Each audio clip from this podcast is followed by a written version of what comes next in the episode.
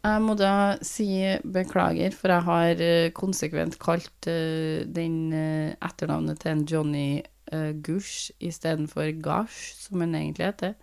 Det skrives med O, og jeg leser det som Johnny Gush, men det er da feil. Etternavnet til en Johnny er Gash. Bare så dere vet det. Miljøet. Miljø, skal du si. Boligmiljøet. Helt eget miljø. Ja, det er jo et stort miljø. Ja, foten min er sovna. Jeg kan si jeg kan best som kan jeg? Mm.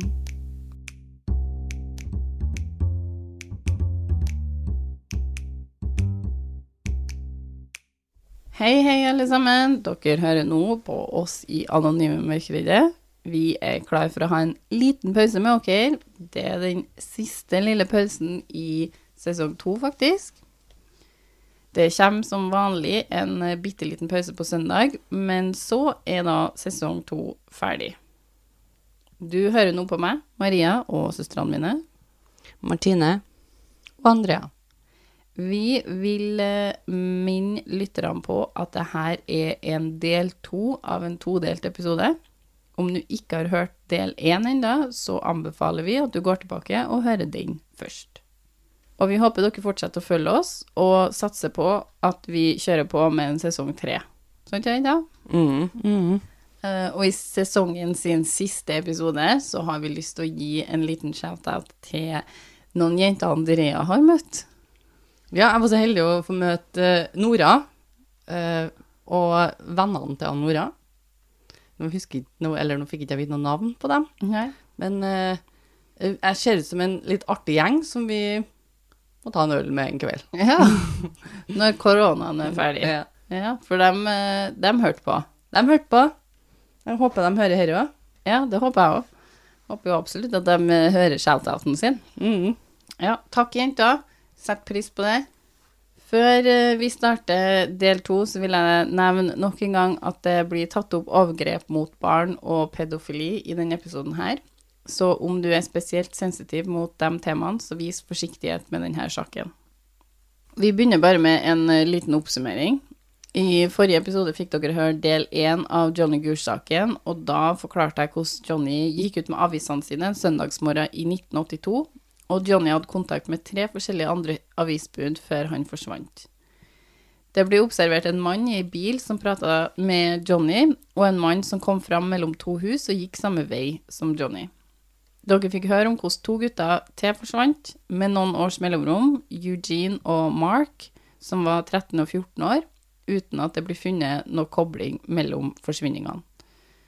Jeg fortalte om Noreen, mammaen til Johnny, som med sin viljestyrke og pågangsmot endrer på lover og setter i verk mange flere ting for å bedre sikkerheten til barn, og en dollarseddel som dukka opp med håndskrifta til Johnny der det sto I am alive, Johnny Gush.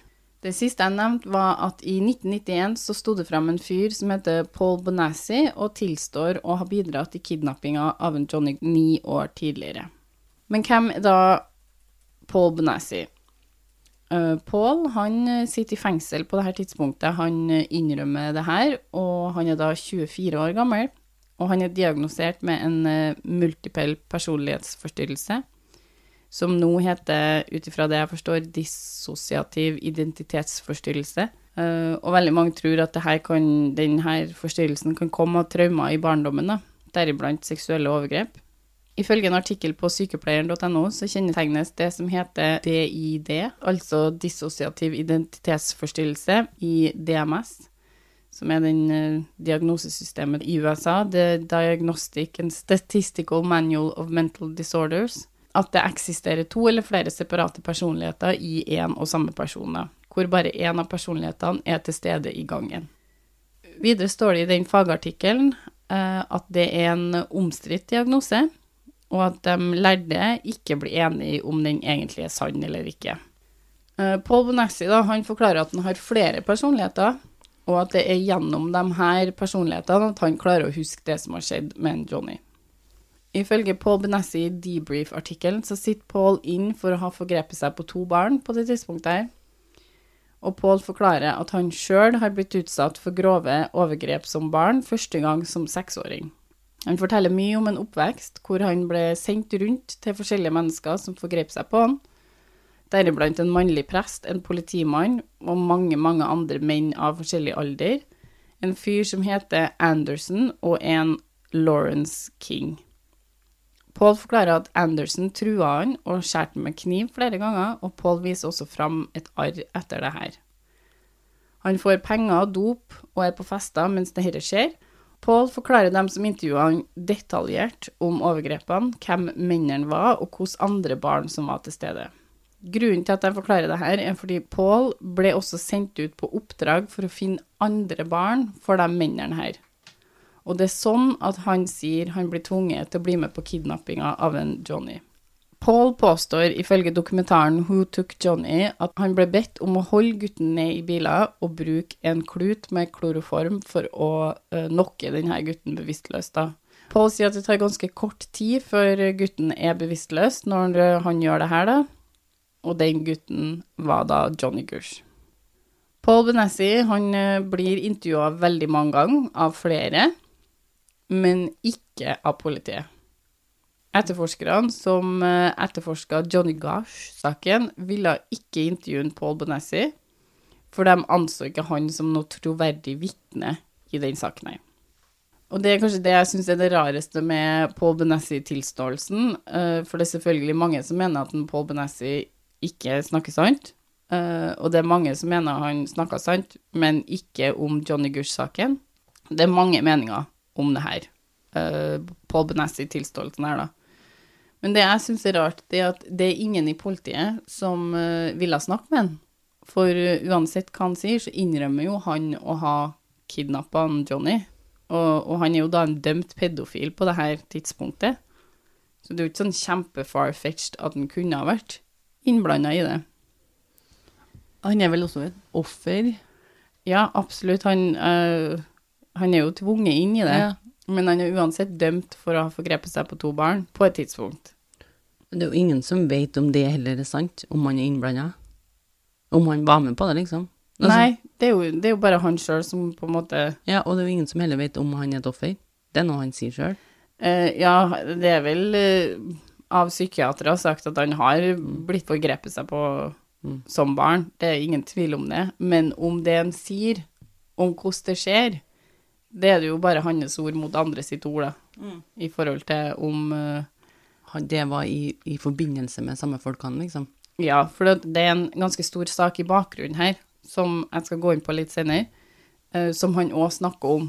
Det er ikke bare hans kobling til Johnny Gush-saken da, som er, um, uh, er, det folk betviler når det kommer til dem på Benassi. Da. Uh, men liksom, det som på en måte er så snedig, er at denne saken her, Johnny Gush-saken, var veldig godt kjent. Altså, den var jo i media veldig mye, og hun Noreen jobba jo beinhardt for å holde den i media òg. Og så er de liksom ikke noe interessert i å snakke med han. De vil ikke engang snakke med han for å konkludere med at det han sier, er ikke sant. Det her eh, kan ikke vi, kan ikke vi bevise på noe sett og vis. De prøver ikke engang å liksom å kutte den ut av saken? Nei, de snakker ikke med han i det hele tatt. Mm. Uh, og det syns jeg er litt snedig, for vi vet jo at de er glad i tilståelser. Ja. I hvert fall på den tida her, så var det jo liksom få en tilståelse, få den lukka. Spilte ikke så veldig stor rolle om det var, det var sant heller, Nei. men få nå den tilståelsen, få lukka saken. Så hvorfor ville ikke de snakke med han? Ja, for jeg sitter jo en villig kartoprat. Eh, og i dokumentaren Who Took Johnny så forklarer noen fra politiet at de snakka ikke med en Paul, eh, men de snakka med søsknene hans, og søsknene kunne fortelle politiet at eh, Paul han hadde vært i Omaha, ca. to timer med bil fra Des Moines, der Johnny forsvinner, eh, med dem, altså med søstrene sine, når Johnny blir kidnappa. Det blir også påpekt at det her er da ti år etter Johnny forsvinner. Altså Politiet snakker med de søsknene her ti år etter det har skjedd, og da er de sånn Nei, nei, da var han med oss. Fortsatt syns jeg det er litt tynt å bare gå for OK, men da lukker vi den saken, han Pål er ikke innblanda på bakgrunn av uh, det, da. Men hva vet jeg, kanskje de har bevis på at den var i Omaha, for alt jeg vet, altså. Men det gjør at jeg ramler litt fort i denne gruppa som, uh, som tror at Paul Bonassi snakker sant, da. Uh, det er jo mange hendelser han Paul snakker om som, som er ganske out there, som er ganske heftige greier. Og USA hadde eh, på det tidspunktet han Paul Benessi begynner å snakke om eh, pedofile og pedofiliringer, akkurat vært gjennom denne Satanic Panic-runden sin. Så vet ikke jeg hvor mange av lytterne våre som vet noe om Satanic Panic, men eh, det var jo en ganske stor greie på eh, 80-tallet i USA. 1980. Ja. Sånn at det, på det tidspunktet Paul Benessi begynner å snakke om pedofil og pedofiliringer, så har de, er de på bakenden av denne Santanic Panic-runden sin. Og det farga nok situasjonen litt òg, men det gjør jo at jeg ikke skjønner hvorfor de ikke intervjuer han når han tilstår, da. Bare for å utelukke han, i det minste. Bare for å si sånn, ok, men her er det samme som eventuelt den Satanic Panic-greiene som har gått gjennom landet vårt. Det her er det samme ulla, på en måte. Eh, hvorfor ikke intervjue han? Det er litt suspekt for meg. Om de intervjuer den, og så legger de det bare dødt etterpå, da har du ingenting å si. Hva vet- Hva vet vi om hvor mange av dem her Hvor mange sånne beskjeder får de, liksom, politiet? At det sitter en her som tror han vet noe. Kan jo at det kommer inn hver dag, liksom. Jo, og i den Johnny Gush-saken så var det en del folk som ringte. Eh, I hvert fall vet jeg. Hun- Noreen og, eh, og John de fikk veldig mange samtaler, eller telefonsamtaler der de var sånn 'Jeg har skjedd sett den her, jeg har gitt den uh, kyss dit', og det var mye sånn. Men det her er jo en fyr som på en måte sitter inn, og han forklarer eh, hvordan det her har foregått. Han, han tegner opp en, et kart i forhold til hvor de uh, kidnappa han, hvor eh, de sto hen, hvor biler sto hen, som matcher det som skjedde den dagen. Men igjen, det er mye nyheter, da. Ja, og han, han har vært veldig opptatt av den saken her, han Pål Benessi sier han, har, han har masse sånne avisutklipp og sånn om saken, men han sier også noen ting som ikke er i media. Han sier at han Johnny har et fødselsmerke på brystet, og det var ganske videnkjent. Men så sier han at han har et arr på tunga si, eh, og det hadde han fått når han beit gjennom tunga si når han var liten, og det var ikke sagt i media overhodet.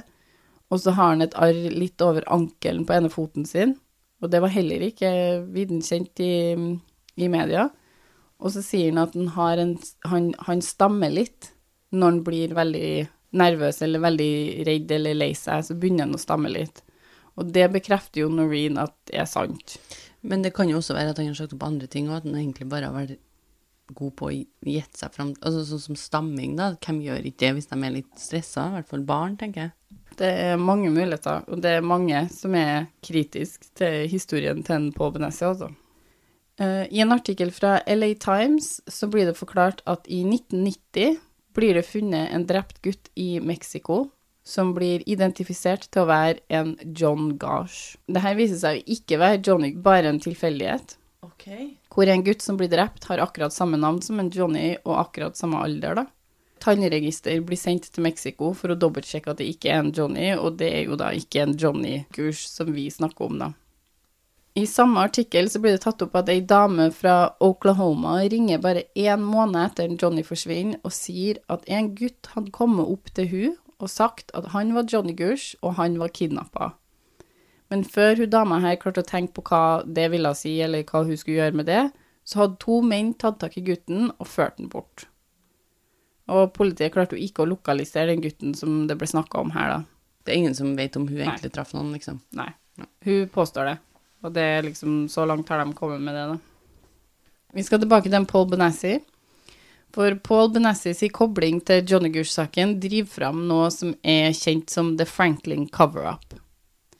Og jeg skal gi dere en kort introduksjon til The Franklin Cover-Up, men ikke gå sånn kjempedypt inn på det. Det har relevans til en Johnny Gush, men jo mer man leser om det, jo mer finner man, og jo lenger bort kommer man fra Johnny Gush-koblinga, da. Så akkurat denne delen her blir dere lyttere nødt til å lese om sjøl om dere vil ha mer informasjon, for det er veldig mye informasjon om The Franklin Cover-Up, da.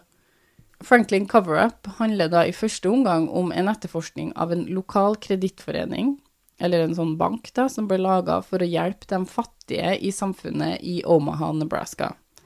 Det var i et nabolag med mange mørkhuda folk som hadde mindre penger enn gjennomsnittet. Og tanken bak det var på en måte å gi dem her en mulighet til å få lån, komme seg inn i boligmarkedet. Franklin Community Federal Credit Union var drevet av en Lawrence E. King jr., som ble bare kalt Larry King. Er det han TV-reporteren, eller han TV... Nei, nei.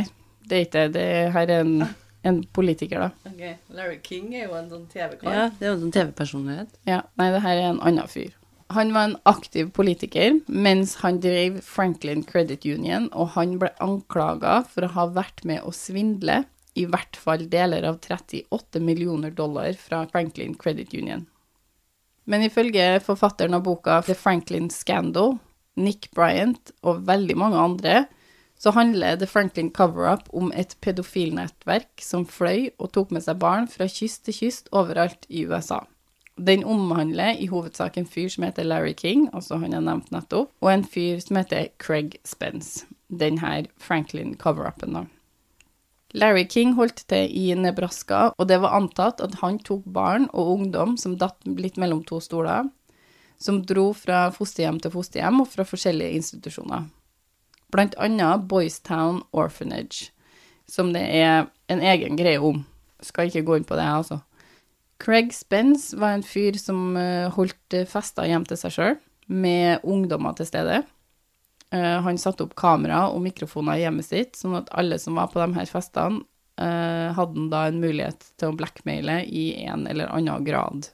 Eh, og denne tilknytninga til Franklin Credit Union-saken, og at Franklin Credit Union sto i senter av denne pedofilanklagen, blir det som kalles the Franklin cover-up. For det er mange høytstående borgere som blir gruppert inn i denne antatte pedofilringen.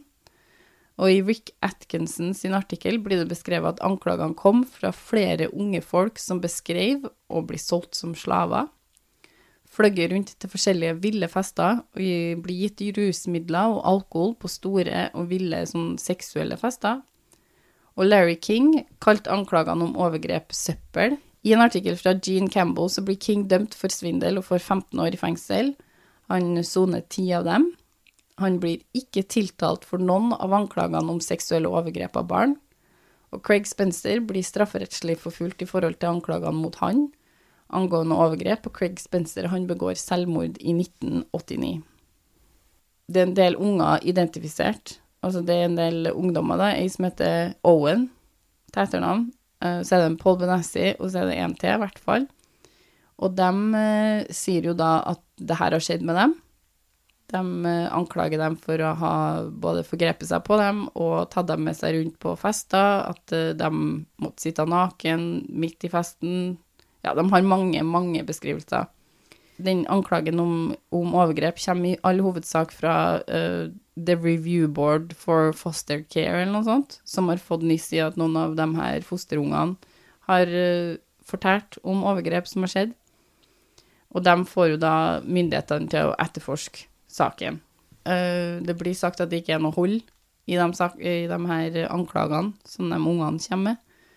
Og eh, hun Owen, hun blir da dømt for falsk forklaring og får 25 år i fengsel. Nei. Og det tror jeg det sto en plass at det var den Altså, det er ingen andre som har fått så streng straff for å ha gitt ei falsk forklaring, da. Noe jeg egentlig ikke tror hun har, men uh, Og Paul Benessi, han blir også anklaga for uh, falsk forklaring.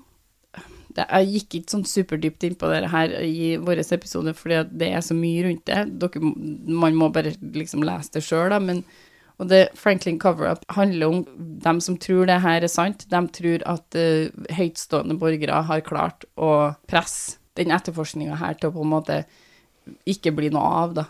Og at de må tro at det er noen fra FBI og politiet og sånn som er med. Og det høres veldig konspirasjonsteoretisk ut, men det er veldig mange folk som har, har undersøkt det, som mener at det her er, det er hold i de her anklagene her, da. Nå har jo dere Epstein-skreieren visst at eh, det her finnes jo. Ja, det finnes det en sånn dokumentar eller noe sånt rundt denne saken? Eh, som- Franklin Cover-Up? Ja. Eh, jo, men den ble stoppa. Ble den stoppa? Ja, de fikk eh, Det sier litt om folkene som er med, da. Det blir i 1993 laga en dokumentarfilm om akkurat denne antatte pedofiliringen i Omaha av et britisk TV-team. Filmen, som heter Conspiracy of Silence, var ei bestilling fra Discovery Channel i USA, men i 1994 blir alt med denne dokumentaren her stoppa, og Discovery Channel betaler tilbake alt det har kosta å lage filmen, Og hele denne Franklin cover-up-greia har veldig mange lignende suspekte aspekt ved seg. Det er mange sånne historier om eh, ting som skulle ha skjedd, folk som snakker for mye, som dør. Uh, de ungene her som blir tvunget til å endre på, eller sånn som jeg tror, da, tvunget til å endre på anklagene sine. Så hvis man liksom ser litt inn i The Franklin cover-up, det er skrevet bøker om ennå. nå. Hva har det med en, eh, Johnny Goose å gjøre? Tror de at han er i den her Ja, nå skal vi ikke lenger inn i den her eh, Franklin cover-up-greien, for den er litt sånn rabbit hole når du først begynner, så bare Mm. det, det, tar- det tar aldri slutt, da. Ja, for den her er jo om en men... Johnny Gush, ja. Ja, ja. Men Paul Benassi var en av de her unge folkene som anklaga Larry King for overgrep mot barn, og, og Paul Benassi påstod at Johnny Gush ble solgt til denne pedofilringen her. Uh, Noreen velger å besøke Paul Benassi i fengselet i 1991 når han forteller om at han var med på å kidnappe Johnny. Da. Eh, hun bruker litt tid på det her, ifølge dokumentaren Who Took Johnny, men hun sier at hun også forstår at Paul var et offer i det her, han òg. Paul er en av de første som forgriper seg på Johnny etter han blir kidnappa. Ifølge Paul Benassi sjøl så blir han tvunget til det her av dem som kidnapper dem, mens det blir tatt noen bilder. Det er vanskelig for Noreen å høre på det Paul Benassi uh, forteller, men på dette tidspunktet er han den eneste som sitter med noen form for svar for Noreen. Da. Og Noreen er takknemlig for det, for at, uh, for at Paul deler det han vet, og for at han står fram. Paul får ikke noe straffereduksjon for å ha fortalt om de tingene her, da, om det som har skjedd. Han får ingenting igjen for å fortelle øh, at han har gjort noe sjøl, som han sier. Han innrømmer jo at han har gjort noe veldig mye sjøl òg. Og Noreen tror han snakker sant. Og som jeg sa tidligere, så blir ikke Paul Benessi tatt eh, seriøst av etterforskerne, og ingen intervjuer. Men media gjør det. Flere ganger. Og det er ganske mange lange filmer, intervju av en Paul Benessi på YouTube. Paul Benessi blir eh, også med i America's Most Wanted i 1992, ti år etter en, eh, Johnny forsvinner. Ifølge dokumentaren Who Took Johnny, så forklarer Paul om hva de folkene som kidnappa dem, eh, gjorde, og han snakker om og beskriver et hus i Colorado, hvor han, Johnny og flere andre kidnappa barn ble holdt fanga. Eh, Når det kom besøk, eller de trengte å gjemme unna ungene, så ble de putta i et rom under huset, og der forklarer Paul Bonessi at de brukte rissing inni sjalene sine. Så da håper jeg de går dit og sjekker, da. Ja, under filminga av denne episoden til America's Most Wanted, så tar de med seg en eh, Paul eh, tilbake til det huset her. Han beskriver jo hvor det ligger hen, og de kjører jo for å finne det. Uh, og man ser at den, Paul Benassi blir veldig sånn uvel når de kommer til det huset her, og filmfolket finner både kjelleren og initialene som er rissa inn, som, som beskrevet av en Paul Benassi, da. Paul snakker i samme segment av dokumentaren om at uh, han så Johnny i 1986, uh, når han var holdt av en fyr som blir kalt The Colonel. Uh, og det fins ut der også en del om hvem denne The Colonel er, eller kan være, for det er ingen som helt vet hvem han er, eh, men det skal ikke jeg gå inn på. Paul Benassi påstår at Johnny hadde prøvd å stikke av en gang, så de som kidnappa han, hadde brennmerka han. Så det her brønnmerket han snakker om, han på Benassi, det tar de jo opp da i det her America's Most Wanted-episoden om saken, da. Uh, og etter den blir sendt på TV, så begynner det å ringe inn ungdommer som bekrefter historien til Paul, og påstår at også dem har brennmerke, sånn som Paul snakka om at Johnny hadde. En gutt står fram til dem som laga programmet, og viser frem brennmerket som han hadde, og bekrefter historien til Paul Benassi på den måten. da som var et sånt et brennmerke som en Paul snakka om. I 1999 så saksøker en Paul Larry King i en sivilsak, altså civil suit, hvor han anklager ham for flere overgrep. Han anklager ham for å ha blitt tvunget til å rekruttere andre unger for han, og holdt fanger, og han Paul vinner over Larry King i denne sivilsaken. Larry King møter jo aldri opp i retten engang og Paul får tildelt én million dollar i erstatning. Men noen plasser så står det at uh, summen aldri blir betalt til en Paul, og andre plasser står det at dommen blir reversert etter en anke. Så jeg er litt usikker på hva som egentlig skjedde i ettertid, men det virker ikke som en Paul fikk noe av de her erstatningspengene. Da. Men i den rettssaken som en Paul Benessi fører mot en Larry King, så vitna Noreen også. Hun forklarer koblinga til Johnny Gush-saken, og så får hun spørsmål om hun noen gang har snakka med eller sett sønnen sin siden han forsvant. Og hun svarer vel egentlig først eh, Hun vil ikke svare på spørsmålet, men så sier dommeren at nå må du svare, hvis ikke så blir det holdt for contempt of court. Du må svare på spørsmålet. Så hun svarer da ja. Hun har truffet en én gang siden han forsvant. Hun forklarer at uh, for to år siden så banka det på døra hennes, i 1997. Uh, og det her var jo da etter hun har skilt seg fra faren til Johnny. De skiller seg i 1993. Uh, og når Noreen åpner døra, så står det to personer der. Ene mannen forklarer at det er en Johnny, sønnen hans. De blir sittende og prate i en times tid, følger Noreen, og Noreen forklarer at Johnny em, han var vag på det som omhandla det som hadde skjedd med ham. Han var ikke noe sånn Han sa at uh, det hadde skjedd ting og, og overgrep, men han snakka ikke noe dypt om det. Men her er det jo 10 000 spørsmål, da, i forhold til dette. Uh, hvem har han med seg? Det, det, ingen, det vet ikke Noreen i det hele tatt. Han, den mannen som er med han, blir aldri introdusert. Uh, blir aldri sagt noe navn på han, men hun sier at Johnny kikker på han før han svarer. Ok, men hvorfor er ikke han igjen til mor si? Hvorfor? Nei, fordi at eh, Han ville jo da besøke Noreen for å bare vise at han var i live. Ja, er det han, da? Det vet man jo ikke. Eh, han, han sier at han kan ikke fortelle hvor han bor, eller hvilket navn han bruker, eller noe av betydning i forhold til om noen skulle prøve å finne henne.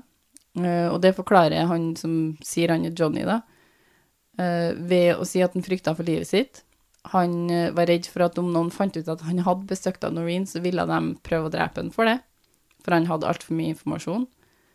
Og det blir også forklart at uh, veldig ofte i av en Paul Benassi i denne forklaringa her, da, de, de inkluderte de guttene her i en del kriminelle, eller guttene eller ungdommene, og jentene òg for så vidt, i en del kriminelle ting, som uh, kjøp og salg av dop, eller de gjorde en del kriminelle ting som gjorde at de ikke følte at de kunne fære til politiet og si det som hadde skjedd med dem, fordi at de sjøl også var skyldige i kriminelle ting. Uh, og det blir òg sagt at en, eh, en forklaring av eh, Napa Valley Register-avisa, så sier de også at kidnapperne hadde involvert en Johnny i en del kriminelle ting, ifølge Noreen, som gjorde at han ikke ville bli funnet. Da. Men uh, det handla vel i aller helst om at Noreen hadde ikke sagt noen ting fordi Johnny hadde bedt henne om å ikke si noen ting om det, for hvis noen fikk vite at han hadde vært der, så ville han mest sannsynlig livet hans være i fare. Jeg tenker livet hans er jo i fare. Han står jo med en mann han kikker på når han svarer.